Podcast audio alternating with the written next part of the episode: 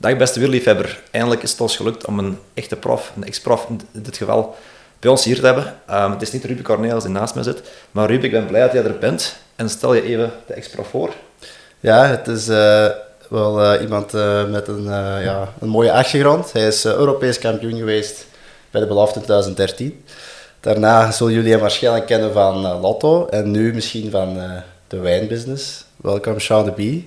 Dank u wel dat je hier bent, uh, in de eerste plek. Hoe is het? Ja, graag gedaan. Ik ben uh, blij dat ik uh, in jullie pod podcast mag terechtkomen. Wij ook, heel enthousiast.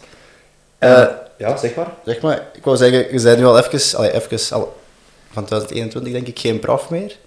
Hoe bevalt het u? Miste de competitie? Is dat, is dat vlot gegaan, uh, dat, dat een overgang naar het uh, gewone leven, tussen aanhalingstekens? Uh, nee, ik had mij op zich wel de voorbije jaren een beetje voorbereid. Op, allee, op het moment dat, dat het sowieso stopt. Omdat ik toch een paar seizoenen heb gekend waarin dat zeker wat minder was. En waar ik toch wel wat blessures of ja, zware valpartijen had meegemaakt. Ja.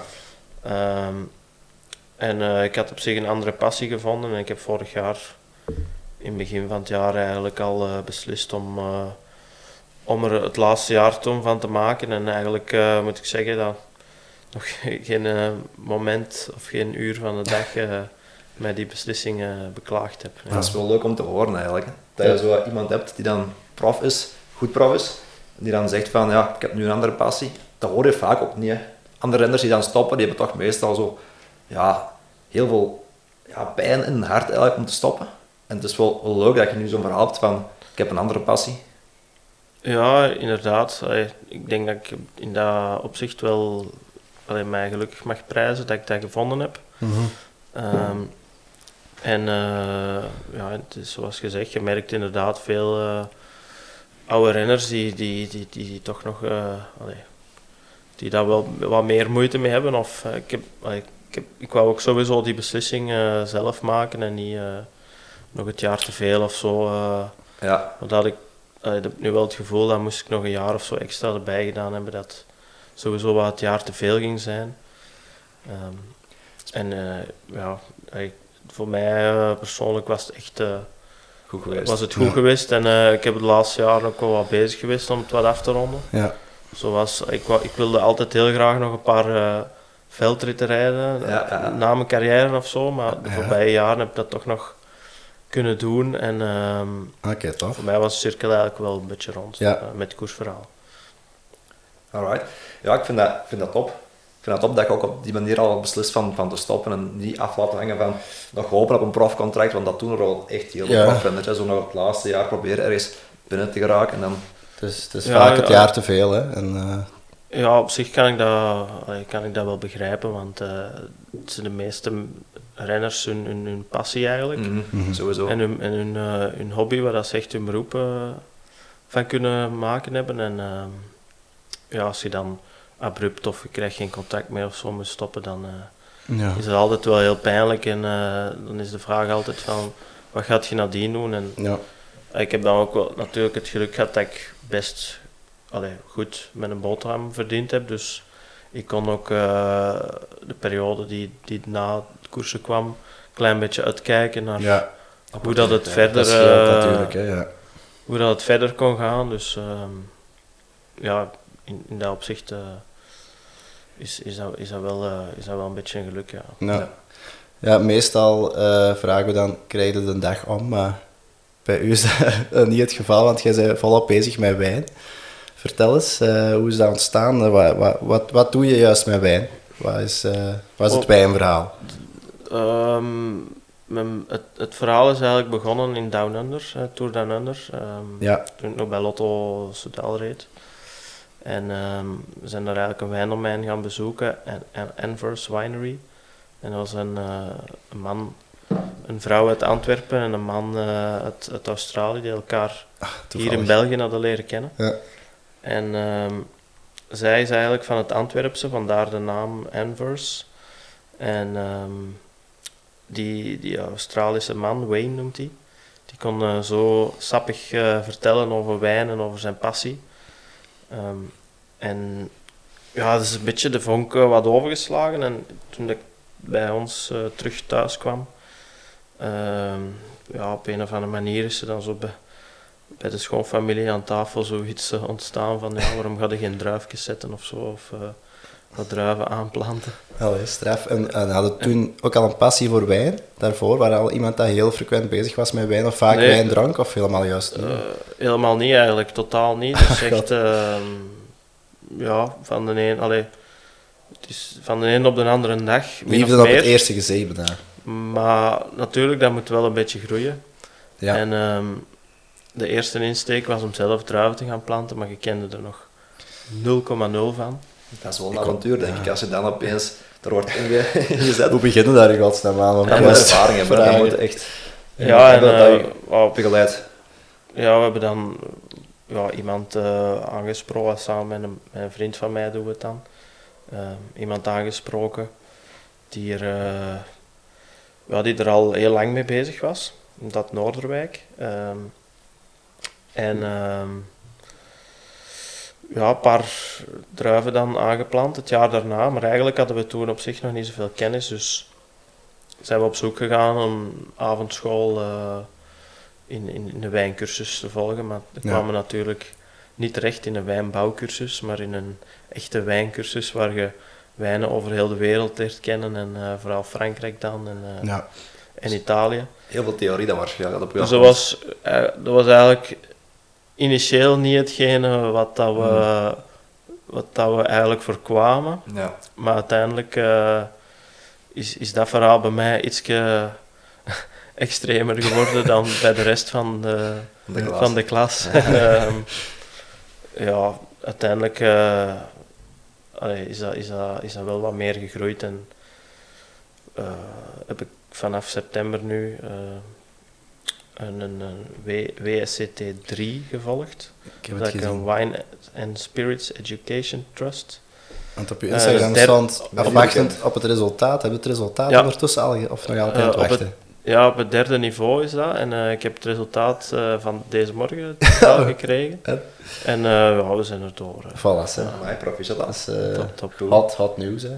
Ja. Dan kunnen we misschien ja, de wijn neerlaten nu en even terug over koers beginnen. Want, ik, weet, ja, ik ken niet zoveel aan wijn, dus ik kan niet veel meepraten. Maar het is wel, ja, het is wel super, hè, die hobby. Dat, ah, ja, die hobby en dat je van een hobby misschien ook terug je beroep kan maken. Ja, inderdaad. Maar ik zou toch eigenlijk graag meer over koers praten. uh, je bent Europees kampioen geworden. En ja, daarvoor je al heel sterk eigenlijk, van, van in de jeugd. Ook je broer Mike um, was, was eigenlijk ook een goede renner. Um, het zit misschien een beetje in de familie, hè, bij, bij de Bie, dat het, uh, het koers naar voren kwam. Dat mag je, is dat zo met de paplepel in de mond uh, bij jou? Ja, sowieso. Allee, er is nooit van thuis het echt uh, gezegd van ga koersen of zo. Of, dat is eigenlijk beetje vanzelf uh, gekomen, doordat we vroeger altijd meegingen. Ja. En we zijn eigenlijk op, op 13-jarige leeftijd, uh, allee, ik was 13, ik denk dat mijn broer uh, twee jaar jonger was. En ja, bij de aspiranten zijn we eigenlijk begonnen. Ja, en dat was ook, ja, als bij de jeugd reed je, reed je echt bij de beste eigenlijk al direct mee. Hè. Dat was, want ook, ja, we hebben dan junior wereldkampioenschap van Stuiven dat Stuiven werd jij zesde, denk ik. Dus, bro, ah ja, en dan het Europees kampioenschap, een paar jaar later win je. Dus bij de jeugd heb je echt wel ja, goede resultaten geboekt.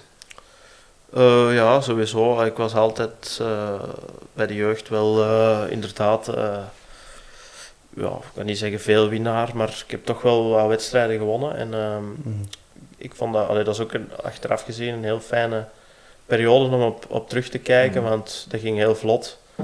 En dat was ook heel fijn om, om dat te doen. En ook allee, mijn vader die investeerde ook heel veel om, om wedstrijden in het buitenland te gaan rijden. Ja, ja. Uh, heel veel in Duitsland. Duitsland geweest. Um, Nederland. dat pak je ook wel mee als prof, denk ik, ja. als je zo meer buitenlandse wedstrijden doet. Luxemburg en ah, ja.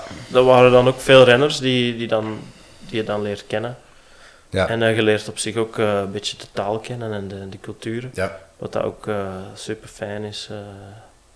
Zeker. Had je altijd al het idee van ik wil het echt professioneel gaan doen? Of wanneer is dat ontstaan van dat idee van ik wil echt wel prof worden?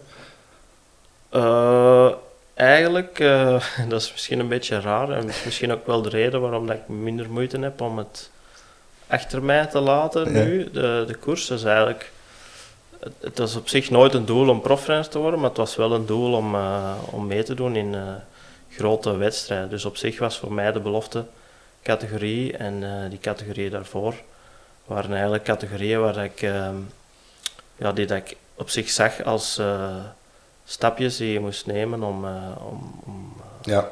om eigenlijk te geraken ja, naar die wedstrijd. Dus op zich was die was de stap van belofte naar prof een, een, eh, een soort van evidentie. Ja, ja uh, en, niet, en, niet een, uh, en niet een, en niet een, ja, een must of zo. Ja, wat dat, een logisch wat, gevolg gewoon van. Ja, dus wat dat eigenlijk, ja, ik denk dat 99% niet zal begrijpen dat ik dat, dat, dat, ik dat zo. Ja, logisch gevolg. Dat ik dat zo gevoel, want de meeste die, ja, die willen heel graag prof worden, maar op zich maak je dan misschien al wel de verkeerde beslissingen als je belofte bent. Ja. ja, ik kan me ook wel herinneren als je bijvoorbeeld jeugdrenner bent van je 12 jaar, als ze vragen aan die mannetjes wat is jouw doel, eerst wat die zeggen is prof worden. Dat is gewoon zo, ja. Mm -hmm. Dus, um, ja, ik wil nog vragen, je hebt ook uh, aan veldrijden gedaan. Wat vond je het leukste? Was dat, als je er nu op terugkijkt, het veldrijden of het wielrennen? En waarom? Ik, uh, veldrijden was natuurlijk heel, ik vond heel plezant. Um, maar het was wel een iets kleinere wereld. Allee, waar je, en ik, ik, ik hou ook heel graag van reizen een beetje en zo. Ja. Ik wou echt graag wel de wereld verkennen. Ja. En met, met veldrijden was het toch altijd uh, redelijk ja. beperkt. Dus rond de kerkentoren, uh, bij wijze van spreken. Dat was ook wel een van de redenen waarom dat ik uh, bij de, vanaf belofte eigenlijk gekozen heb om wel op de weg eigenlijk het hoofddoel van te maken. Um, ik heb als belofte wel nog is een winter iets intensiever met de cross bezig geweest eigenlijk. Mm -hmm. um, ja, maar ik denk ook dat je niet moet twijfelen als je op dat niveau kunt presteren bij, ja, bij ja, dan is het wel vaak dat, ja, ja. voor, voor, voor ja, op de weg te rijden. Ja. Maar ik vind het wel vooral straf, die prestaties, die internationale prestaties bij de jeugd. Bijvoorbeeld die wedstrijd, dat, dat Stuivenpunt, waar jij zesde wordt, is dat, dat, heb je daar de sprint voor aangetrokken, of ook het Europees kampioenschap? Daar bestaan eigenlijk amper beelden van. Heb je daar zelf foto's van of video's van? Of? Want als je nu kijkt naar sporten, ja, bro, dat zetten ze live uit van 100 kilometer van, van de streep, maar ik zie amper er iets van terug. Ja, dat was natuurlijk wel het jammere verhaal dat in die jaren eigenlijk de, de juniorenswedstrijd uh, apart was van, de, ja, van de, het echte WK bij de, bij de profs eigenlijk. Ja. Uh, en dat is pas, denk ik, twee of drie jaar later is dat, is dat terug samengevoegd. Um, dus dat is wel eigenlijk heel jammer. Uh, maar ik moet zeggen, dat was eigenlijk een hele fijne periode, omdat wij als groep, uh, alle Belgen eigenlijk, heel, heel goed overeenkwamen. En we hebben allemaal wedstrijden daarvoor op internationaal niveau samen voorbereid. Dat was onder leiding van Carlo Boma's. Ja, okay. um, en ja, dat was een heel toffe, heel toffe periode en iedereen was toen in topvorm. Ja. En uh, uiteindelijk draaide het heel goed uit. Ik denk dat Jasper, die, uh, die ging er denk ik iets, onder de laatste vod ging die, ging die aan. Uh, maar er waren natuurlijk wel topsprinters in onze groep. Ja, De Maar was tweede denk ik. Of de Maar en Marco Haller. Ja, dat zijn toch wel echt... Nu echt Ze waren best ja, ja, ja, ja. supersnelle, supersnelle sprinters bij, dus we moesten wel iets, uh, ja. iets doen als we wilden winnen. Ja. Nou, de sprint van, van Stuy vind ik wel interessant. Dat je, dat, je, dat je wegrijdt op de laatste kilometer en je zit daar nog met Haller de maar. Hoe gaat dat om in zo'n situatie? Want jij kan dat misschien ook winnen. Jij kan dat misschien voor hetzelfde geld was jij daar misschien wereldkampioen geworden. Allee, ja, ik weet de feiten niet. Was er op voorhand iets afgesproken van um, het koersverloop? Of? Nee, dus bij de juniors uh, rijd je niet met oortjes. Dus uh, Karel Boma zat aan het inventieve idee om, uh, om op de bidons dingen te schrijven. en, Zalig. En dus, dus, Hoe gaat dus dat zijn werk? Het was eigenlijk een parcours van iets van ja, een goede 10 kilometer in Moskou. Op een, op een soort van circuit. echt speciaal voor fietsers aangelegd om koersen te rijden. Een, een vast circuit eigenlijk. Top. Okay. En um, dat was best lastig. Allee, er, was, er waren een paar klimmetjes op, op een ronde, een klein beetje, wel een beetje Vlaams Ja. Een beetje een Vlaamse aangelegenheid eigenlijk, Vla- Vlaamse klassieker. Ja. Ehm, en eh, ja, dus elke ronde passeerden we verzorgers om drinken aan te nemen. Het was best warm ook. Ehm, en die had er altijd opgeschreven, bijvoorbeeld opgepast voor Ah, op elke bidon dat jullie aanpakten stond er een nieuw briefje. Ja, ja, ja een, briefje niet, maar dat werd echt op de, op- Ja. bovenop de bidon eh, opgeschreven. En kon dat dan te Dan goed konden we lezen? dat lezen Ja? en dan...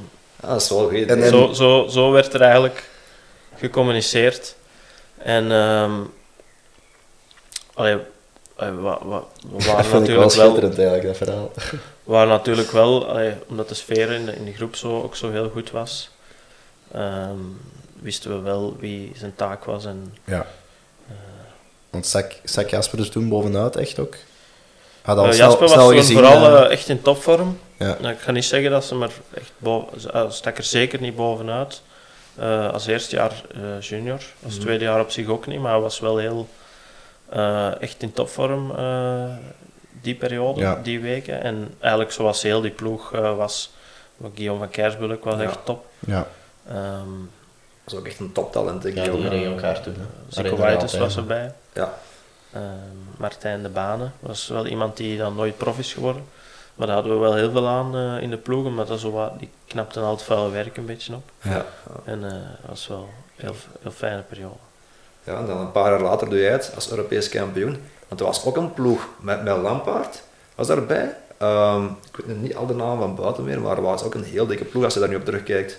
Ja. Hoe, hoe gaat die koers in zijn werk? Want ah, we hebben daar amper beelden van gezien, of hoe is dat gebeurd geweest? Eh, ja, dat was op zich ehm, wel een. eh, ja, op zich allemaal wel belofte. Dus wat, een deel kwam zelfs van eh, een paar die al profrennen waren bij Topsport Vlaanderen toen, denk ik. Ehm, en dat was zo'n, ik kan niet zeggen een, een heel homogene ploeg, maar zo een paar renners die, die eh, kopman waren. En dan, ik denk als we met drie kopmannen waren, en dan elk van ons kreeg één iemand mee. Eh, Oké, dan- Ja. dus dat is een totaal en dan ieder... Oké. ja, en ieder kreeg iemand Ja, mee om eh, ja. eigenlijk eh, die, die bij zich, om bij zich te, te blijven eigenlijk. Oké, ja, vind ik ook wel een goede tactiek eigenlijk, zoiets. En eh, ja, zeker. Allee, ik was, dus de week ervoor was in Tsjechië. De week ervoor was de ronde van Tsjechië. Mhm. En ehm, wij hadden bijvoorbeeld toen met de ploeg, ik zat bij Leopard Trek, Ja, de belofteploeg. van... Ja. En wij wonnen toen eh, de ploegentijdrit van die ronde van Tsjechië. Oké. Eh, Het was toen een 1.2 eh, wedstrijd. Ehm, maar die was best wel allee, goed bezet. Dus uh, Alaphilippe was er ook. Was toen eigenlijk met de opleidingsploeg van, eh van Quickstep in de tijd. Ja, Ehm, ik denk Ethics Inet noemde Dat die toen. En dat is later dan Klein Constantia geworden. ja. En uh, Vakoc en uh, Alaphilippe en zo, die zaten allemaal in die ploeg. En die waren toen ook, uh, die kasten eigenlijk heel die ronden op. ja. Maar bijvoorbeeld de laatste dag was op exact hetzelfde parcours als het EK. Ja. En um, die aankomst lag eigenlijk op een klimmetje van een goede kilometer, anderhalf. Um, en dat was ongeveer, het begin was eigenlijk steiler, was iets van 8% voor 300, 400 meter. En dan vlakte het wat af naar 5, 6 op een brede baan. En dan boven was de aankomst in die, in die wedstrijd de week daarvoor. Maar voor het EK lag de aankomst nog 500 meter verder op, op het plateautje. Ja, ja. Oké. Okay. Um, en uh, Alaphilippe die wedstrijd uh, de week ervoor voor Vakoc in, in, de, in de sprint eigenlijk, met nog een beperkte groep van 30 man. Mm -hmm. En ik kwam nog aan de voet van, van het laatste klimmetje, kwam ik, was ik nog bij het peloton. En toen was eigenlijk mijn vat volledig af. Ja. Maar ik kwam wel aan en ik, ik had wel het gevoel van, ja, Niet alles als ik eruit. deze week, allee, Ja. de, als ik deze week echt, ik wist van, als ik dat en dat en dat en dat ga doen, Dan, ga dan, ik goed dan, gaat de volgende week um, die dat wilt winnen, gaat zijn wiel voor, die, van- voor dat van mij moeten zetten. Ja. Dus ik had echt, We waren echt gestart met On- het idee van ik, ik ongelooflijk word, veel. ik word wereldkampioen, ik word Europees kampioen. ja, ik had ongelooflijk veel zelfvertrouwen. Het is eigenlijk de enigste wedstrijd dat ik allee, dat is al de week vooraf dat dat, bege- dat dat begon, of al een paar weken vooraf. En dat was de enigste wedstrijd dat ik dat ooit heb ervaren, dat ik zei van, Vandaag is het voor mij. de week, allee, als deze week zo, zo moet het gaan, Ja. en dan, dan gaat niemand mij eh, kunnen, kunnen kloppen. En ik was er aan te horen, want als je dan de week van tevoren nog Ja, de- al ja, in het peloton zit en dan niet eigenlijk Dat op zich wel gewoon zegt van ik kan toch. Ja, maar dat, er- ik, ah, ik ja. had altijd problemen met recuperatie in, in van die rittenkoersen. Ah ja, oké. En dus als ik de laatste dag het gevoel had dat ik echt Ja, goed was, of dat ik zelfs beter was dan de dag daarvoor, Hm. dan wist ik dat de vorm in stijgende lijn was. En dat, ja, ik, dat nam ik mee en ik ben dus, ik heb toen wel aan de Wielermond gevraagd om natuurlijk niet terug naar België te vliegen, ja, om dan terug te komen en om echt die week daar in, in. Tsjechië eh, Dat is ook wel af het te werken, want ja, dat maakt anders, anders had het nooit, eh, nee. En, had ik nooit eh, kunnen allee, Dat was ook een van de redenen. Moest iets in die ja, ketting, ja, het, ketting van mijn gedachten, goed. eh, moest iets ja. in die ketting van mijn gedachten om het zo aan te pakken, die week veranderen, dan had, dan, eh, had het nooit gelukt. Ja. Had ik nooit kampioen kunnen worden. En waren ook gestart als, als, echt als absolute kopman die dag? Of, eh, Ehm, nee, we waren eigenlijk met drie. Ehm, maar ik voelde wel dat ik Dat was eraf, want dan inderdaad... Eh, maar kon- ik had, die, ik had de rest niet, op zich niet nodig. Ik had één iemand nodig. ja, En ehm, ja, ik heb ook niet, nooit, ge- nooit eh, vooraf gezegd van dat, het, dat iedereen voor mij of zo moest werken. Dat, omdat, ik- omdat ik wist dat dat op dat parcours ook niet nodig ging zijn. Ja. Omdat het was zwaar genoeg. Alleen Ja, ja. de omstandigheden van de wedstrijd gingen wel beetje moeten meezitten. En wat je vaak hebt, en je ziet dat ook wel meer bij juniorswedstrijden, of zo die kampioenschappen, eh, belofte kampioenschappen, dat als je de eerste drie, vier allee, rondes kunt overleven, want dan doen ze super nerveus. Het eerste Ja. uur zijn ze allemaal als losgeslagen honden aan de wedstrijd begonnen. En er gebeuren er altijd valpartijen.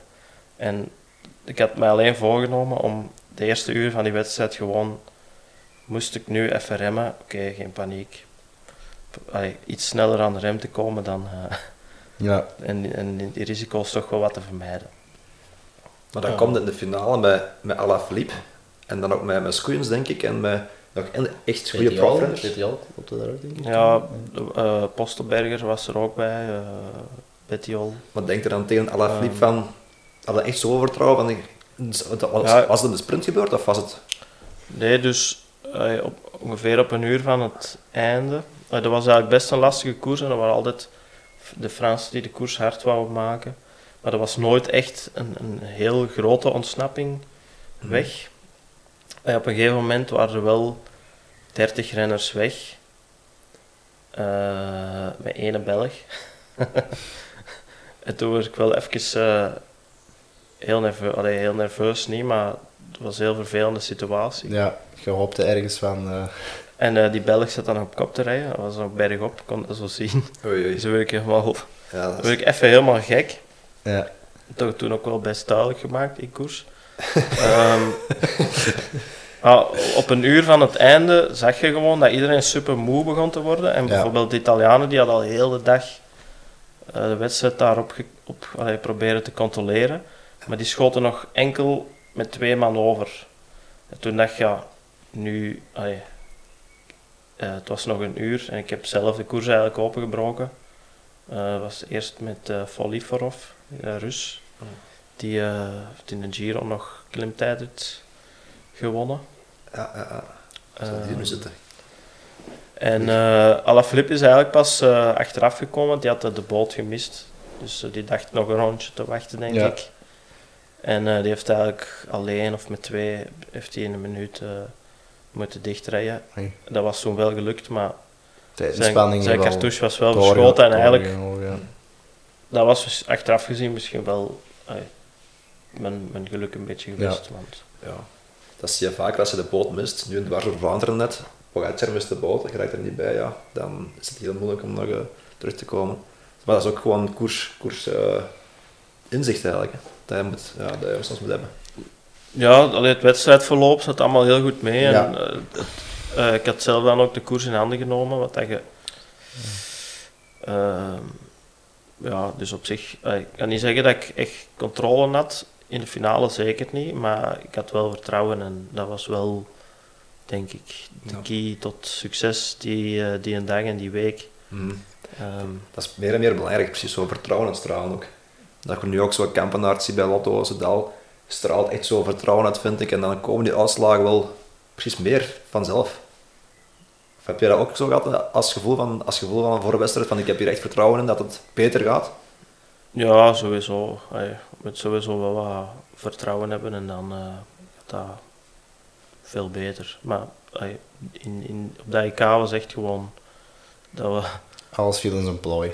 ja, en dat was echt, eh, echt zelfvertrouwen dat je op zich voor elke wedstrijd zou moeten hebben. Maar dat was misschien wel iets dat in mijn carrière wat, meer, wat misschien wat meer ontbrak. Ehm, maar ja, el- allee, eh, op zich, eh, ik denk als ik vier profwedstrijden gewonnen heb, Ja. dat ik eh, dat, dat je wel merkt dat als je terugkijkt op die periode, dat je wel zag van oké, eigenlijk was ik die een dag wel heel zeker van, allee, Ja. van mijn stuk en heel uh, ik ook de juiste beslissingen en zo. Dus, ja. dus, Ehm, eh, ik had nog wel een vraag. Vinden dat je, of dat de media, vinden dat je genoeg aandacht hebt gekregen voor die zege? Ik zal het zo vragen, want als ik het nu dan vergelijk met een Thibaut Nijs bijvoorbeeld, hè, dat, ja, dat, is, dat is bijna dag en nacht, denk ik, met toen. Vinden dat daar toen genoeg is bij stilgestaan dat je Europees kampioen bent geworden, bij de belofte? ehm, Naar uw gevoel? Nee, zeker niet. Want allee, dat stoorde mij nadien wel een beetje, denk ik. Omdat ehm, bijvoorbeeld, hè, ik, had dan, ik zat dan bij Leopard Trek, Mhm. maar op zich als belofte kun je alleen maar met, een, met die trui rijden eh, in beloftewedstrijden. Dus dan zou je dan bijvoorbeeld eh, Ah. alleen in de toekomstzonen of zo nog geweest zijn. Ja. Maar ook, ook de, de wielerbond wou ook niet een extra een speciale trui of zo laten maken daarvoor. En heb ik eigenlijk eh, zelf truikens laten maken die eigenlijk Totaal niet- Nee. totaal niet lijken op, eh, op- dat truikje dat je kreeg. Maar Ja. dat, dat was eigenlijk op zich helemaal geen mooi design. Nee. Allee, dat, Maar- dat kan dat niet. Ik heb, we hebben Ah, ja. toen denk ik vier truitjes of zo laten maken met korte mouwen en eh, één, met, één of twee met lange mouwen. Nadeel was misschien ook wel omdat Om dat toch- Europees kampioenschap is bij de elite nog niet gereden toen. Dat kwam pas in 2016 bij de elite. Dus enkel belofte waren toen Europees kampioenschap. En ja, die koers is ook een mate Ja, van de aandacht ook echt. Ja, eh, vroeger wie dat 2016 won, ja, oké, dat waren altijd wel grote namen bij de, bij de, bij de elite, maar de aandacht ernaar is wel echt eh, vergroot. En je ziet ook in de media, alles is meer, meer video geworden. Dus. Ja. Heb je daar zelf nog een foto van of, of beelden van? van? Ja, allee, mijn, mijn vader, eh, eh, die heeft van elke koers kwam die altijd foto's trekken en die heeft superveel, superveel foto's. Ehm, ik weet dat er wel een filmpje was ooit van die wedstrijd, maar dat is op de Tsjechische Ja. zender. Maar ik denk, ik heb dat ooit online eens gevonden, maar dat, dat, dat ik denk, die gaan we niet meer vinden. Ik heb het niet Eh, gevonden in ieder geval. Dus, Nee, het is echt, eh, je moet een Tsjechisch, ah, als je misschien eh, wat eh, Tsjechisch ja, begint ja. te zoeken, dan eh, misschien wel nog lukken, maar... Ja, eh, En wat gebeurt er dan nadat je Europees kampioen zijn geworden? Want dan zou je toch echt denken van, ja, nu komen de ploegen wel voor een profcontract. Was dat echt zo? Of? eh, ja, eigenlijk eh, die week nadien is alles wel losgelopen. Eh, toen, eh, ik denk dat ik twee weken nadien eh, mijn handtekening bij Lotto Beresol was toen nog Ja. gezet heb. Ehm, Had je die overwinning Ja. nodig, denk je, om dat te forceren? Of had je het gevoel dat je sowieso wel prof ging worden?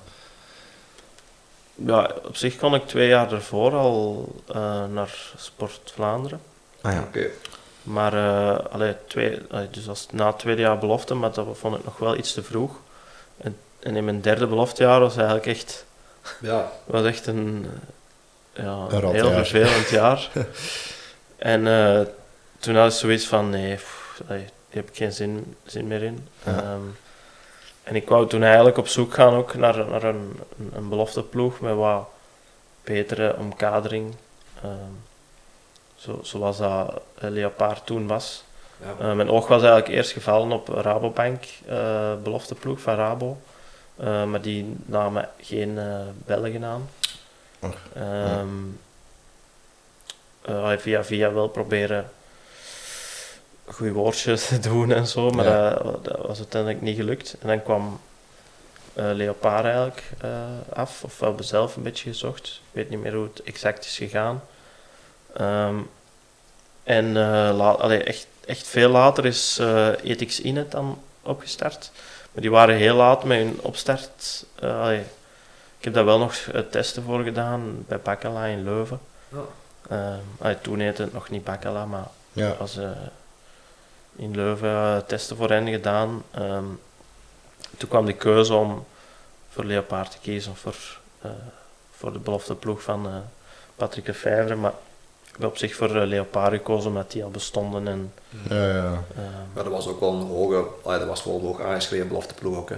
Dus, eh, maar daarna, dan, na je Europees kampioen zijn geworden, heb je dan nog andere ploegen als Lotto mee onderhand? Of was dat niet echt aan de orde? Ehm, nee, want ehm, dus eh, Leopard Trek was op zich eh, een, een, een belofteploeg van, van Trek toen, Mhm. eh, van Ja. eh, ik denk Radio Shack. Eh, 2013, dat zou ja, kunnen zijn. ja. En ehm, dus Jasper ging daar al naartoe, die zat dan bij Bontrager, bij Axel Merks. Ja. En van onze ploeg gingen, wa- waren er al twee of drie die, eh, die ook, over, die ook eh, zeker overgingen. Dus voor mij was er geen plaats eh, meer bij, bij vind dat wel straf. Toen, toen eh, het jaar nadien, het, eh, was wel onder een andere naam, maar Hmm. Ehm, dus op zich was eh, Lotto eh, de enigste. Ja. keuze. Ik, ik vind dat straf als je Europees kampioen wordt. Dan zou je het toch wel verwachten. Maar ja, het is een tijd van vroeger en nu is misschien nog eens minder te vergelijken. Nu ja, breken direct uh, belofterenners echt door voor de grote koersen al. En dat was vroeger ook misschien niet altijd had meer misschien een ruimte nodig. We zien toch wel meer dat er echt 20-jarigen nu echt al koers aan maken. hè. Ja, ja, inderdaad. Maar toch, ja, dat de ploegen, dat verrast mij wel, dat er niet meer ploegen geïnteresseerd waren. Want kwam je dan bij Lotto binnen met een bepaalde status al als Europees kampioen? Of wordt dat direct weggeveegd Nee, nee, nee, en de, het, zeker- het broekventje Nee, nee, eh, zeker niet. Zeker niet. Ah, mijn eerste eh, profjaar was ook eh zware tegenvaller. Ja? Ehm, eh, op zich was, kreeg ik wel, ik wil zeggen, goede begeleiding, maar ik mocht werken met eh, Sebastian Weber. Ja. Die, toen trainde die zo Tony Martin en eh, Peter Sagan. Ehm, maar dat was voor mij iets te too much. Dus eh, ik raak eh, overtraind. Eh, ik had mijn eerste koers gereden in Bessage. Ik had dan een trainingsperiode van 3,5, 4 weken dat ik geen koers had. En in die periode heb ik echt veel te veel eh, getraind eigenlijk. Niet echt zo naar het lichaam geluisterd, echt puur Puur schema. op het schema ja, afgegaan. En eh, toen is eigenlijk heel voorjaar om ik denk dat ik bij, ofwel was het dit not finish, ofwel kwam ik aan bij de laatste vijf. Ja, als Ehm, een trainer natuurlijk het schema van Tony Martin altijd doorgeeft, dan... eh nee, Ja, dat, zal, dat- nee, dat zal niet zo zijn, maar mopke. En ehm, ja, maar dus dat, allee, dat was heel vervelend. Ja, want Ehm, weegt dat mentaal niet zwaar, omdat je dan komt dan bij de profs eerste jaar en het lukt dan niet tussen aanhalingstekens. Hebben dan getwijfeld aan jezelf op die moment? Van oei, misschien is, gaat het hier toch waar op voor mij? Of wist het toen ook van oké, het is gewoon verkeerde beslissing op trainingsniveau? ehm, ja, dat, op zich op die moment zelf weet je niet dat je overtraind bent, maar achteraf eh, gaat je zo wel eens wat dingen opzoeken. eh, Ja. hoe dat zit. En ik denk, ik weet niet exact hoe dat gegaan is, maar dat ik sowieso ergens de communicatie verbroken heb met die, eh, met die trainer Ja, in die periode. Eh, en dan ben ik zelf mijn eigen ding wat meer gaan doen. Eh, maar toen ik net klaar was voor het tweede deel van het seizoen, toen, eh, ja, toen viel ik eh, weer super hard op training vlak voor de eerste koers van die periode zo. En dat was ja, echt cool. een ja. heel vervelend jaar. Eh, en heb ik wel nog goede uitslagen kunnen rijden, Ron van Denemarken. Uh, Mhm. Maar dat was op zich het enigste dat ik dat jaar Voelde dan druk? gedaan heb. Voelde druk toen van de ploeg uit? Of Uh, Ging dat- nee, maar uh, ja, er was wel één ding dat me stoorde en dat was dat uh, een dokter van de ploeg toen zei van ja, vaak jonge renners die komen dan over bij de profs en dan denken ze dat ze het gemaakt hebben. terwijl terwijl Ja. hij eigenlijk degene zou moeten zijn die zou zegt van ja, misschien bent je overtraind. ja, Mhm. ja. Maar die, die, die, eh, dat is er eigenlijk nooit gekomen. Dus dat was wel heel vervelend. En op zich Ja. is toen ook, dan eh, is die vertrouwensbreuker met uw, dok, uw ploegdokter ook. Want- dus eh, ja. dat is heel vervelend. Ja, snap ik. Ja. En in het koers is het ook zo, ja, alle plaatjes, zoals je zelf zegt, dat moet juist vallen. Ja. Als er ene schakel niet is dat, dat op en top met je communiceert of werkt, ja, dan kun je niet 100% zijn aan de start. Want was er iemand dat zich zo ontfermde over u? Of, of hoe Oh. ging dat? Je komt eraan binnen als, als, als jonge gast. Mm, Ehm, of is dat zo wat zelf uw weg vinden? Of waren er wat anciens die, die zich... eh, nee, dan niet. Het was wat meer zelf eh, eigen weg eh, zoeken. Mhm. Allee, dus bij Lotto werkte ze zo dat je, ik weet niet of dat nog is, dat je, ja, ik denk dat je bijna met 30 renners bent, vijf of zes ploegleiders en dat, dat elke ploegleider een paar renners krijgt die dat wat contact houden en die dat programma doorsturen en zo. En Ah, ja. op die manier communiceren.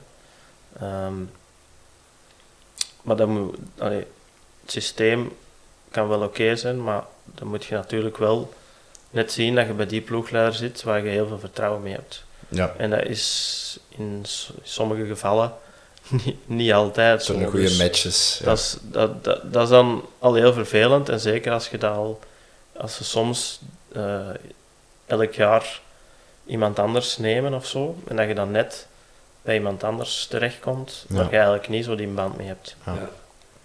En eh, Ja, ik snap wel dat dat vervelend is, zoiets. Ja. Als je dan inderdaad niet, als je dan liever een klik, een klik voelt bij een andere ploegleider, dan is het logischer dat je daar even eh, mee communiceert dan met iemand anders natuurlijk. Hè. Mhm. Maar ja, het programma van Jonge Benen, dat komt dan het jaar daarna. Had dat dan een, een positieve invloed voor u? Eh, ik denk van wel, eigenlijk. Ehm, allee, het was sowieso al positief dat we, eh, want het jaar ervoor hadden we dat dan ook al, dat we met vier eh, samen eigenlijk een huis huurden in Spanje. Ehm, wat dat op zich toen redelijk uniek was. Ja? ja, om, om, om dat te doen met vieren. En dan met vier altijd Ja. samen te gaan trainen. Ehm, ja, ik denk wel dat dat misschien wel een positieve, eh, Ja. positieve invloed had. Ja, want vooral als je naar een jaar bekijkt, dat was echt een goed jaar. hè. Dat hebt gereden toen. eh, Eerste overwinning ook, denk ik, hè? In Ja, Luxem, Ronde van eh, Luxemburg. Ja, op zich ja. Je probeert dat jaar, je eerste jaar dan zo snel mogelijk te vergeten Ja. eh, en dan terug op te bouwen. Ehm, ik heb mij wel een nieuwe trainer toen onder de arm genomen, dat was Peter Kroes. Ik heb heel de winter mee getraind eigenlijk. Dat heeft mij op zich een hele brede basis gelegd. Eh, tot, tot daar zelfs dat ik, dat ik eh, begin januari eh, zei van ja, maar moeten we niet beginnen met wat harder te trainen, want allee, over een maand is het seizoen. Hè. Ja, nee, dat komt wel, dat komt wel. En eigenlijk had ik heel dat jaar zo'n brede basis waarop dat ik kon terugvallen. Ja. En eh, is dat jaar eigenlijk ja, top geweest eigenlijk. Dus eh, dat was, eh, was wel heel, heel plezant, plezant jaar. ja, want dat was. En, en, en omdat ik eigenlijk in mijn eerste jaar zo slecht was, eh, Ja, toen voilà. zeiden Dus dan ze ineens van, amai, je hebt wel heel goede progressie gemaakt. Ja. Ik was dan ook einde contract. Ja. ja, Dus dat, ik, dat is natuurlijk Dat is een goeie moment. Ja, dat is terug dan weer Dus, eh, om nog even terug te komen op jonge benen. Hoe kijkt u daarop terug? Hoe is dat eigenlijk ontstaan? En, en is dat een positieve ervaring geweest? Of... ja, dat was, dat wel heel tof. Ik onderhoud ook nog altijd de contacten met eh Luc Kempen, die dat, eh, die dat eigenlijk de coördinatie deed van, van dat verhaal. Ehm, en, en ook sommige, ja, sommige cameramensen of klankmannen. Dus dat was, dat was wel een heel fijne periode. En dat was wel tof om, om, om te doen eigenlijk. Uh, het was niet dat dat een extra stress gaf of zo. Uh, ja, dat was wel fijn om, om, om te doen. En... Waar, waren onmiddellijk enthousiast toen dat ze zeiden van we gaan dat doen? Uh, of was dat, dat, dat lang, op tv? En, dat is al lang geleden. Dat, dat, weet dat, dat weet ik niet meer. Uh, maar het zijn wel mooie herinneringen. Wordt, wordt er ja, over gesproken soms? Of, uh, of, of, zet, of kijkt er soms nog eens terug? Of? ja, er wordt... Allee, we hebben sowieso altijd nog wel een groep samen. Ja. op WhatsApp. Een WhatsApp, ja. Ja, maar... Ehm, ja, eigenlijk is dat een soort een voor, voordingen van wat past dit maar eigenlijk doen. Soort van het leven in de koers. Ah ja, dat was dan meer voorbereiding op prof worden, maar zo het koersverhaal brengen onder profs, mm -hmm. dat was wel uh, ja, iets nieuws toen ook. Hè. Ja, en uiteindelijk ook allemaal heel goede renners. Hè. Ja. Uh. Um, ja, wat verwacht je onder andere van Vervaken? Want Vervaken had dan bijvoorbeeld, ja, we gaan nu misschien even meer over, over koers en over andere. Um, zie jij hem ook zo bij, bij Quickstep, bij Quickstep groeien nu naar zijn, naar zijn rol? Je misschien, ja, waar je het verleden wat een beetje niet goed wist van uh, welke renner hij ging worden, ga je dat nu wel zijn? Zo, of? Ja, ik denk als, dat Louis uh, vooral uh, allee, in, in, is eigenlijk binnengekomen, direct de elfde plaats in de Ronde van Baskeland. Mm -hmm. Dus ik word dan heel echt aanzien als toptalent. Ja, dat was heel lang zo, um, inderdaad. Hij is ook super streng, allee, toen, nu nog, maar toen echt super streng voor zichzelf en het ook wel wat, allee, denk wel misschien wat meer moeite als iemand zei van, hè, doe eens een dagje rustig aan. Je ging hem toch nog twee uur gaan rijden, of hè, pak eens een dag rust. Moest ja. toch nog op zijn fiets zitten. Um, en uh, ja, wel redelijk wat op zoek geweest naar zichzelf, denk ik. Maar dan zich wel de laatste jaren bij Alpecin wel wat teruggevonden. Ja. En uh, ik denk nu, ik hoor alleen maar positieve, mm. positieve dingen eigenlijk. Ja. Uh, en, maar het blijft niet weg dat dat een, een toptalent is en dat hij ontzettend mm. snel uh, de berg op kan fietsen. Dus ik denk dat hij daar ja, perfect zit eigenlijk bij ja, dat denk ik ook. Uh, Zijn zoektocht zwaar gevonden eigenlijk, dus een beetje moeilijk ja, als je nu, Hij is nu ook vader uh, geworden deze winter, dacht ik. Dus, uh, voilà. Dat is de beste doping, zeggen ze. Op zich, ja, dat, kijk dan misschien wat anders naar de koers. Waarschijnlijk. En dan kunnen iets meer loslaten. En beetje meer vaak gaat dat wat, ja. Vaak gaat dat, dat wat beter. Ik denk zeker als dat voor Louis. Uh, ja, maar er zijn heel veel vaders in koers nu Zeker, zeker zal werken er zijn heel veel vaders dat, dat prof zijn, ah ja, ja, prof niet, maar... Uh, Jonge vaders bedoelde? Of, uh, inderdaad, rond de 25 jaar. Ja. Inderdaad al heel laag vaders. Dat kan. Dat kan. Um, ik heb via via iets uh, vernomen, ik, ik dacht iets over wil vragen. Het uh, woord veldfietsen, zegt dat u iets? En wat kunnen we daarover vertellen? Want ik heb, ik heb gehoord dat dat toen nogal uh, redelijk op gevloekt is destijds. Wat was dat juist met die fietsen? Wat... Ja, dat, dat, was, dat was ik niet bij. Ah, daar was jij niet bij? Ja, dus dat was het jaar ervoor. Ja, dat was het jaar ervoor. Dus, maar het was altijd iets dat die voor geen meter gingen? Of, Ja, dat was, ja, was bij Willems of zo. Ja. maar ik ben er eigenlijk bij gekomen het jaar daarna. En toen reden we op Stevens fietsen, dus... Ah, oké. Okay, ja. Geluk. ja, ja die zagen er partij wel, ah ja, die veldfietsen, dat waren toch mooie, mooie fietsen, maar ik heb er niet op gereden, dus ik zou het niet, uh, ik zou het niet weten. Ja, ja ik ook niet. um, in 2018, dwars door het Hageland. Je reed toen lek, denk ik. Had het toen gewonnen? Had het gevoel dat je die koers ging winnen? Uh... Want ik heb gelezen dat je ze dan uh, eventueel wou opdragen, hè, want dat was toen in die periode. Um, dat je daar achteraf toch wel, dat je toch wel een gemiste kans van had. Het gevoel dat je die koers ja, ging winnen of toch dichtbij ging zijn die dag? Ik, die dag was ik echt wel super goed. ik denk niet dat ik nadien echt nog zo'n dag heb gehad. Um, maar dat was ook sowieso wel een koers waar ik elk jaar uh, ja, goed wou zijn en een beetje naartoe werkte. En ook die, een, die een dag eh, viel alles ook in de plooien ook. Zoals ik zeg van de week van tevoren. Ja, Eh, die twee weken van tevoren ging eigenlijk van geen kanten. Maar ook zo kleine dingetjes waarvan ik dacht, dat komt toch goed. Ehm, en eh, ja, had ik, dat, had ik die koers gewonnen, dat is moeilijk te zeggen, maar... Want, allee, eh, hoe heet die weer, eh, onze vriend, de led. Koeiens, nee. Nee, eh, waar ik mee vooruit was. Dat weet ik niet. ja dat ga jij beter weten dan wij. Kun je terugvinden? Goeie vraag. Maar, ik heb, eh, maar die was wel super sterk. Ja, Dus, eh, en eh, ik weet niet of ik hem, eh, of een ik taaie hem, klant. of ik hem eh, geklopt had. dat weet ik niet. Zeker omdat we waren toch al even weg. even weggereden. En ja, als ik 40 kilometer solo doe, ja, ik ben, ben op zich wel snel, maar na zo'n solo, ja, dat, dan, dan kan de sprint ook wel eens een keer een pakje minder zijn. Ja, dat geloof ik best. Dus dat, dat was moeilijk te zeggen eigenlijk, maar eh, ik, ik was sowieso die dag wel, wel goed. Was dat uw beste dag dat je had dan als prop bestaan? Of had je echt zo nog welke overwinning, schat je hem rood, de hoogste in of prestatie? Ja, misschien, ja, misschien dat ik die dag ook wel heel goed was. Ehm, in, in Panis was ik ook wel echt heel goed. Eh, en daar viel het op zich ook allemaal wel in de plooi eh, zoals ik het wou eigenlijk. Mhm. Eh, ik had toen voor de start in de bus gezegd, omdat ik, ik was een beetje van de regio en ik wist die laatste kilometers.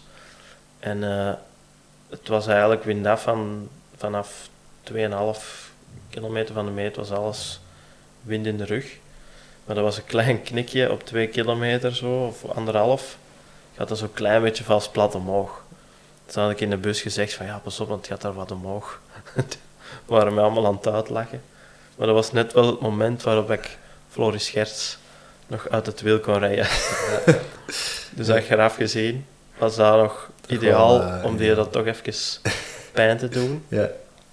Eh, en eh, ik was een paar jaar daarvoor, je komt daar op een rondpunt, en ik was een paar jaar daarvoor gevallen. Vijf kilometer van de meet was het toen. En ik kwam op een rondpunt dat super glad was. Eh, een paar jaar daarvoor was ik daar gevallen en eigenlijk kansen op een overwinning eh kwijtgespeeld. Mm. Dus ik dacht nu, het, het regende toen ook, ik dacht het is er nat. Ik moet zien dat ik als eerste van het peloton op dat rondpunt kom. Ik ben toen eigenlijk al weggereden, kilometer van tevoren.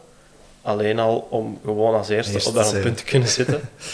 en dan heb ik mij gewoon terug in het peloton gezet totdat ik op een moment wachtte dat ik wou aanzetten. Maar dat was op zich allemaal van tevoren wel...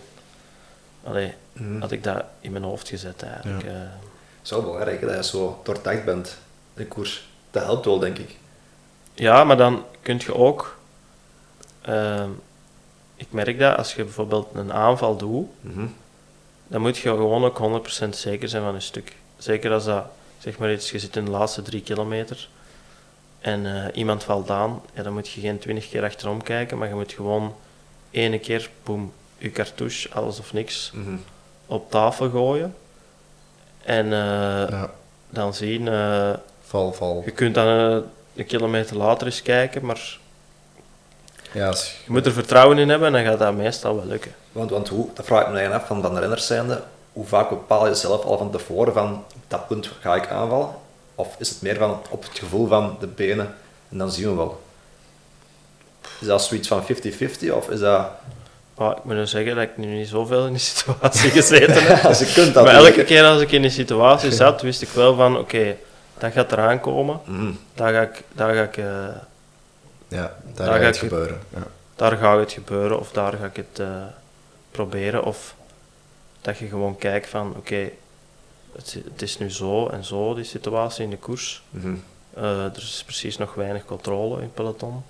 Mhm. Als ik nu aanzet, dan gaat de koers sowieso opengebroken worden. eh. En als je, ja. als je dan als eerste kunt aanzetten, dan neemt je wel al uw, eh, uw, uw optie op meedoen in het finale. Anticiperen, ja, het woord is gevallen, anticiperen. Ja, niet per se anticiperen, maar echt de optie nemen om... eh, Om de finale te rijden, ja.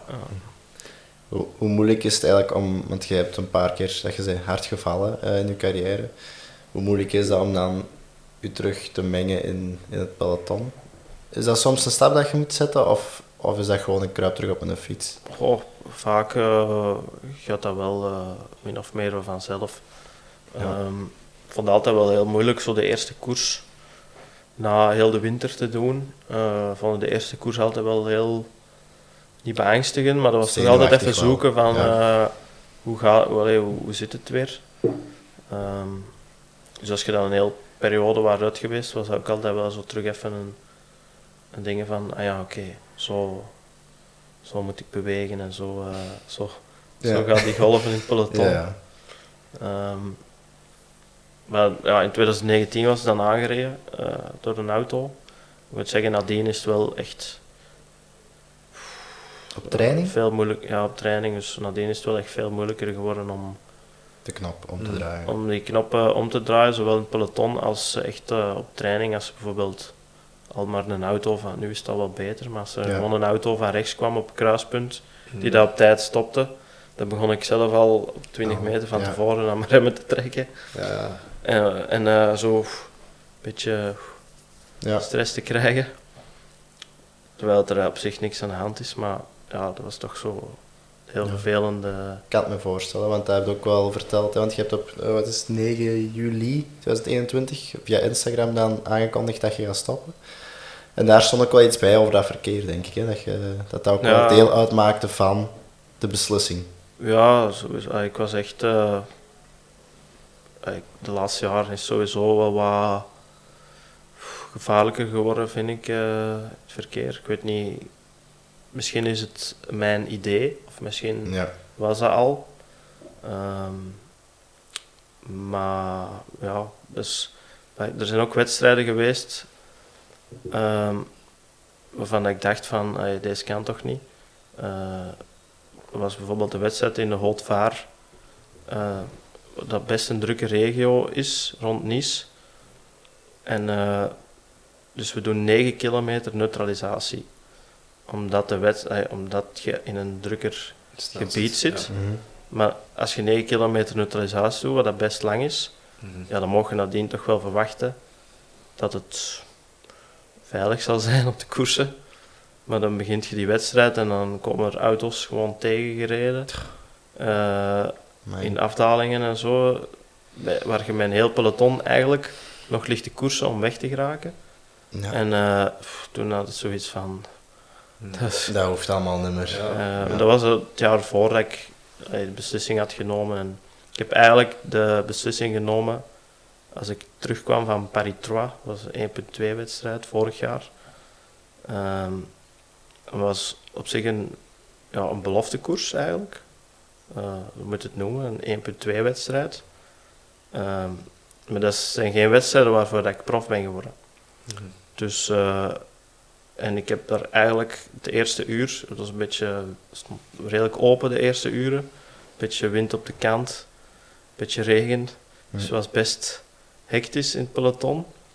Zeker omdat we met veel beloftes hadden, zoals ik net vertelde, dat je de eerste uur dan wel eens beter iets meer aan je remmen trekt. Ja, dat is Dan. Ik heb heel dat uur in de wind gereden, gewoon omdat ik bang had. Ja. Eh, ja, dat koopte ik in de finale eigenlijk, maar dat was eh, mijn tweede wedstrijd of zo van dat jaar.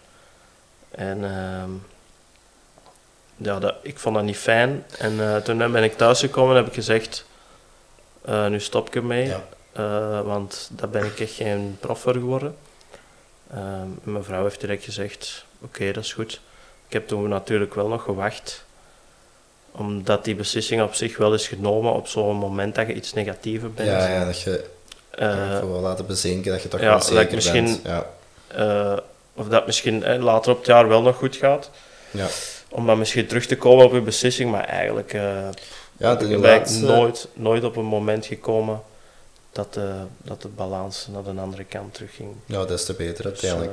Dus, hè. eh, Want de laatste eh, jaar winde nog bijna, denk ik, hè? in de millimetersport. Ja, tegen Kos de Ja, dat ik was een vraag? Ja, Ver- ver- Vertel dat dat was- eens. eh, hoe- Ja, maar dat was op zich ook, zoals ik vertel, ja, zo'n wedstrijd van, ik was op zich beter en beter in vorm en die wedstrijd kwam er aan in Bretagne, dat was heel de dag op en af. Ehm, maar die wedstrijd was dan zo net lastig genoeg om geen massasprint te krijgen. Mhm. Dat was ideaal net- voor jou, hè? zo die koers. Ja, zo die wedstrijden Mhm. waren ideaal en op zich schieten die ook niet zoveel meer over, eh, die wedstrijd. Tenzij op een heel hoog niveau misschien. Ehm, maar toch vaak massasprints en, of, of klimkoersen. Of het moet echt maar lastiger gaan. En eh, dat was nog echt een, een, een, een. Ja, de ploegleider zei ook van ja, je zit de enigste kopman, iedereen gaat voor u werken vandaag. Eh, Vertrouwen. Geeft vertrouwen, Ja, dat ik is wel zeg, belangrijk. Goed. Ja. En dat, ja, dat gaf inderdaad wel, wel, wel wat vertrouwen. En de vorm was, eh, was ook heel goed. Het was alleen nou jammer dat ik het net niet, net niet kon afmaken. Had terwijl een ik kers op de taart geweest natuurlijk. Hè. Dat, dat wel nog heel fijn geweest. Ja, eh, Dat, eh, dit was ook mooi natuurlijk. Maar moest ik gewonnen hebben, zou ik, de, zou ik s'avonds al wel aangekondigd hebben als ik ging De dag zelf, ja. Ja. Dat is ook Nu het nog even gewacht. Ja, dat is wel het mooiste moment om dan eh, te zeggen dat je stopt na de overwinning. Maar ja, dat is niet voor iedereen weggelegd. Ja, ik heb vier koersen gewonnen. Ik denk dat heel weinig ja, profs echt koersen winnen. Dus ja, het is toch wel... Ja, vind je dat je het maximum uit de carrière hebt gehaald, als je erop terugkijkt? Ehm, het maximum waarschijnlijk niet. Eh, vind ik dat erg? Nee. Ehm, ik denk dat, dat ik... eh, ik ben wel heel blij met de manier waarop dat ik wedstrijden eh, heb gezien en aangepakt. Ik heb eigenlijk alle, allee, alles gedaan in het peloton wat je kunt doen. Ik heb in ontsnappingen moeten, moeten gaan. Eh, ik zat er dan allee, soms ook in. Eh, ik heb de ontsnappingen moeten terugnemen, dus echt op kop moeten rijden. Ja. Ehm, ik heb in, mij voor André Grijpel in sprinttrein kunnen mengen. ja. Allee, dat kon ik allemaal van dichtbij meemaken, dus ik weet hoe dat, wat de ins en de outs zijn van die, van die situaties. Ik heb de Vlaamse klassiekers gedaan, ik heb de Waalse klassiekers gedaan. Eh, ik heb Catalonië, Baskeland en zo ook eens kunnen doen, want dat vond ik, eh, allee, ik vind nog altijd heel schoon wedstrijden. Ehm, ik heb een grote ronde kunnen doen, dus op zich Van alles wat mogen proeven. ja, op zich ben ik, allee, ben ik dan ook de laatste jaren, allee, het laatste jaar heb ik dan ook nog wel gezegd van, oh, ben nog niet in Hongarije geweest. Stuurt me maar naar Hongarije. Ja. Ik ben, Ja. ben nog niet, ik heb een Arctic race heb ik nog niet gedaan. Ja. Stuurt me daar maar naartoe. Was er dan ook veel als renner? Als je naar Noorwegen gaat, of naar... Ah ja, je bent er misschien niet geweest, maar als je zo naar het buitenland gaat, dan gaat je toch amper iets zien van, van die cultuur. Of... Ja, dat, allee, Je bent er soms misschien ook vroeger of, je blijft er een dag langer. Of, of. ja, soms, allee, soms pikt eh, wat minder op, maar dat hangt ook een beetje af van de koers af. eh, als het goed weer is, kunnen dus die koersen zijn soms ook zo wat gematigder, dan heb je wel wat tijd om er wat rond te kijken. Ja. en dat vo- vond ik altijd wel heel fijn. Hmm. Eh, gewoon een beetje genieten tijdens de koers. eh, moet niet altijd van start tot finish, zoals in, Ja, de Vlaamse klassiekers. Ja, stress van, van begin tot einde. Ja. En, dan merk je vaak in de Vlaamse wedstrijden ook die zenuwachtigheid. hè. Dat zijn er ook heel vaak valpartijen. ja. Dat is misschien minder in die andere koersen. Ehm, ik wil nog wel iets vragen over eh, de tijd bij Lotto. Dus eh Kampenaert zei over tijd dat ze eens goed in de pinten zijn gevlogen. En dat dat geholpen heeft. Eh, was dat bij, bij jullie destijds ook dat jullie in, in de winter of op een moment echt zeiden van kom we gaan met de groep eens, eh, eens, eens goed zat drinken? ja, Of, of werd, allee, dat, werd dat niet gedaan? Er waren wel vaak wat teambuildings eh, en zo, maar dat wordt natuurlijk wel af en toe eens een pintje te veel gedronken. Ja, Ehm, maar dat creëert op zich ook wel weer zo'n eh, een band eigenlijk. ja daar ik naartoe gaan. ja. Eh, een van de beste feestjes, eh, teambuildings, was met Roompot. Ehm, dus dat was ook echt super fijn. En dan dan, op, op zich Ja. op, op een paar uur tijd creëer een, eh, een band die dat je voor, heel, voor heel het jaar meepakt. Ehm, Soms moet je gewoon eens een pint gaan drinken. Hè. en eh, ja, sowieso. En dan als iemand, eh, ja, als, als we gewonnen hadden of zo na de koers, Ja. een pintje even, of gewoon om, om, om ja, de, de kopman betaald, of die, dag, die waar dat we voor gereden hebben, Ja, die betaalt, ook al is misschien op niks uitgedraaid, dan vind ik nog altijd dat je, allee, als bedenken. Dat vraag ik me ja, dat blijft de sfeer toch wel Ja. best oké. ja. Boyd is een wedstrijd gehad, dat was nog wel bij de belofte. Dat we echt geen, heel de ploeg echt gewoon geen prijs konden rijden. Dat we dan na drie dagen allemaal zo depressief als iets aan de tafel zaten. En toen zei de ploegleider, Dat is ook niks. Hè. ik trakteer. Voilà. En de laatste dag was dan toch nog... Oké, wel, niet dat we, toen hebben we ook geen prijs gereden, maar dat was toch al, het was toch Dat al was fijner al- gevoel al fijner om, om, eh, om die start te pakken en om er toch nog proberen iets van te maken. Maar het was uiteindelijk niks geworden, maar we hebben toch nog een toffe avond gehad een dag ervoor. Ja, ja, voilà. Dus eh, Is dat, dat- moet zeker wel eens kunnen. Is dat altijd zo dat je als ja, team naar een wedstrijd leeft? Of is dat toch vaak op momenten geweest dat je zo echt als individueel een beetje... Want ja, koers is toch ook wel individueel een beetje. Hè? Dus zo niet dat je als, als team echt, zoals een andere sport, eh, samen gaat trainen, samen gaat eten, ah, alles hetzelfde doet. Ja, like een Zo, voetbalploeg zo, voetbalploeg, basketbal of zo. Ik denk, ik denk op zich dat vooral... eh, eh, door, het is gemakkelijker om, om een kopman te hebben, want dan kun je een team maken. Mhm, denk ik ook, Als je, ja. geen, als je geen kopman hebt, dan zit je allemaal individueel renners. Mhm. En dan is het ook veel moeilijker om een koers te winnen. Ja.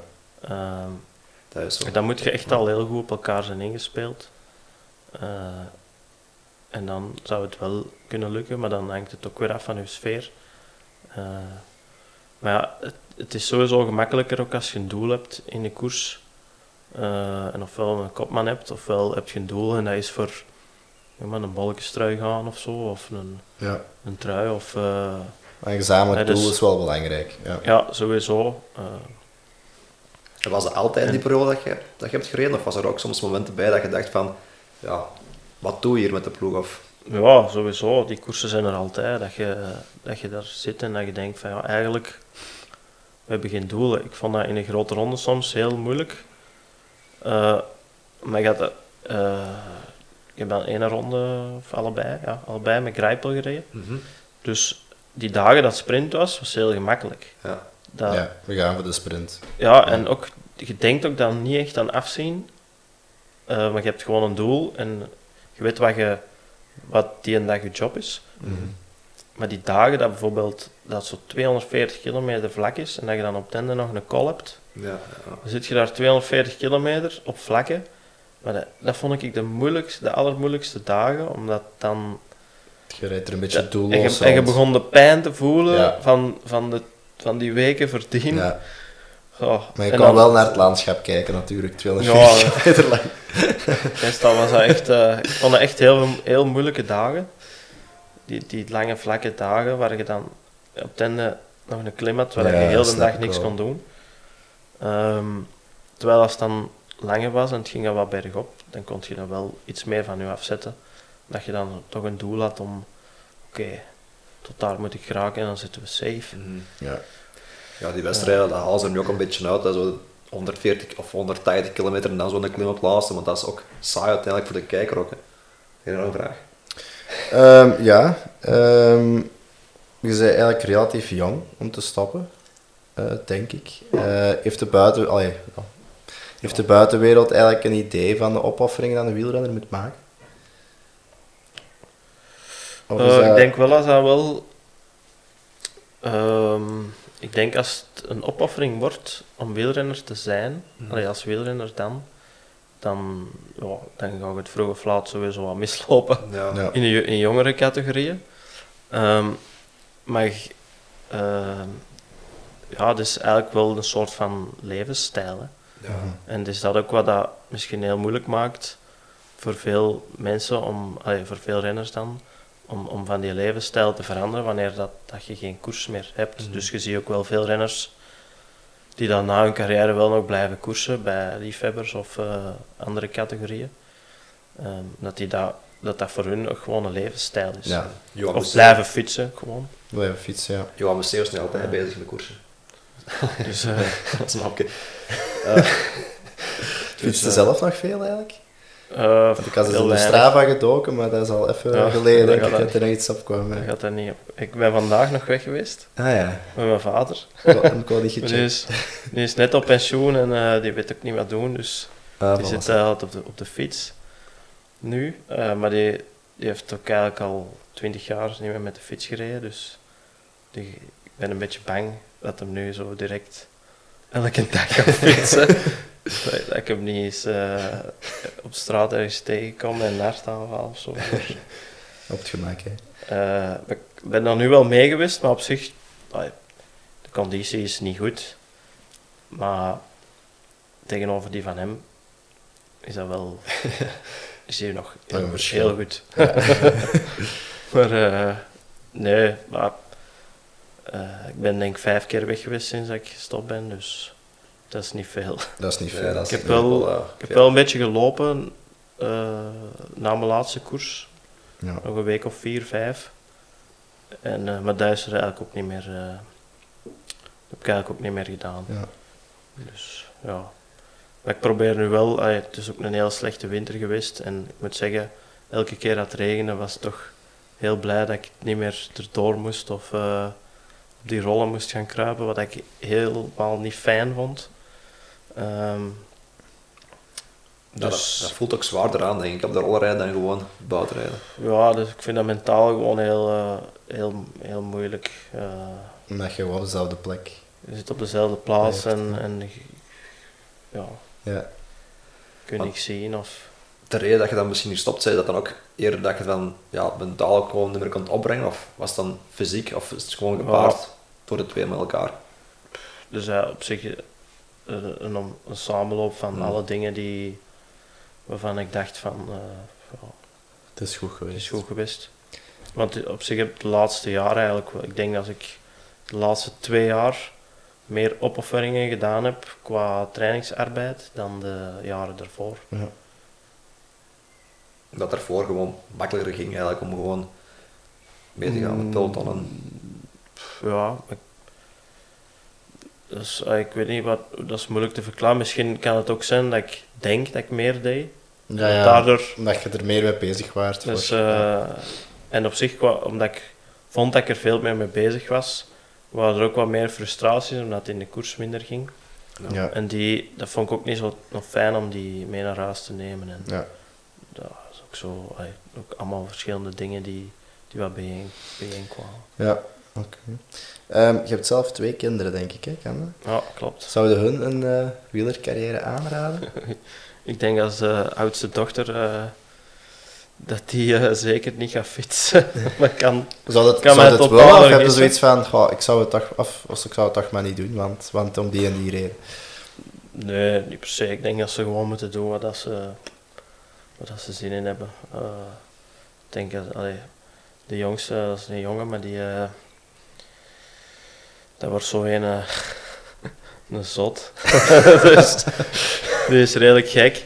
Maar die, die kan nu net eigenlijk met zijn fietsje rijden. Ah. Maar die doet. eh, Hoe oud is hem? eh, is, die wordt drie in mei. Ah ja. Dus nog een maand en dan wordt hij drie jaar. Maar die kan net eigenlijk zonder wieltjes met fietsje rijden. En als die keizwaar valt, dan zegt hij niks. En bij de dochter is het helemaal omgekeerd. ja. Als hij oh, maar Het minste schrammeke. het minste schrammetje krijgt, dan Ja. moet er een plak erop en dan, oh, dan is het een half uur eh, wenen. Maar dat zijn echt twee uitersten en eh, dat is ook wel fijn om te zien. Ja, voilà. Maar ja, ik denk, denk als de jongste zo, dat koers nog niet zot genoeg gaat zijn, dan gaat echt eh, BMX of zo worden Ja. of, eh, Ja, iets of, extremer. iets, of, iets, of iets gek. Ja. Alright. Goed. Zeg goed dat we afsluiten dan met de Voor kids mij van wel. eh, de Vie? Ik weet niet dat jij zelf nog eh, vragen had voor ons. Waarschijnlijk niet, hè? Nee, ik was wel, eh, ik, eh, omdat ik jullie, eh eh, kende jullie niet van tevoren, dus jullie hadden mij gevraagd en ik dacht, ik ga eens even kijken. En dat was eh, met Milan Sanremo toch, en Moritz. eh. Ah, ik, inderdaad. vond dat heel, ik vond dat heel indrukwekkend. Ja, Eh, Daar heb ik niks mee te maken. Ja, dat is echt, volledig, ja. Lucas. Ja. ik vond dat ja. eigenlijk heel indrukwekkend. Die had ik eh, inderdaad Ik had hem zelf niet opgezet, maar ik ben niet zoveel mee mee bezig. Maar ik vind, eh, Top. Merci voor het Ja, compliment. we willen u eh, van harte bedanken al sinds voor onze eerste gast te zijn. En eh, ja, we hebben het daar juist al even besproken, maar eh, vanaf dat zijn wine tasting op punt staat, gaan we zeker een bezoekje komen brengen als bedanking. Goed. Dan denk ik ook dat we de kijker bedanken en dan zien we de volgende keer jullie weer. Abonneer even en tot de volgende. Ciao.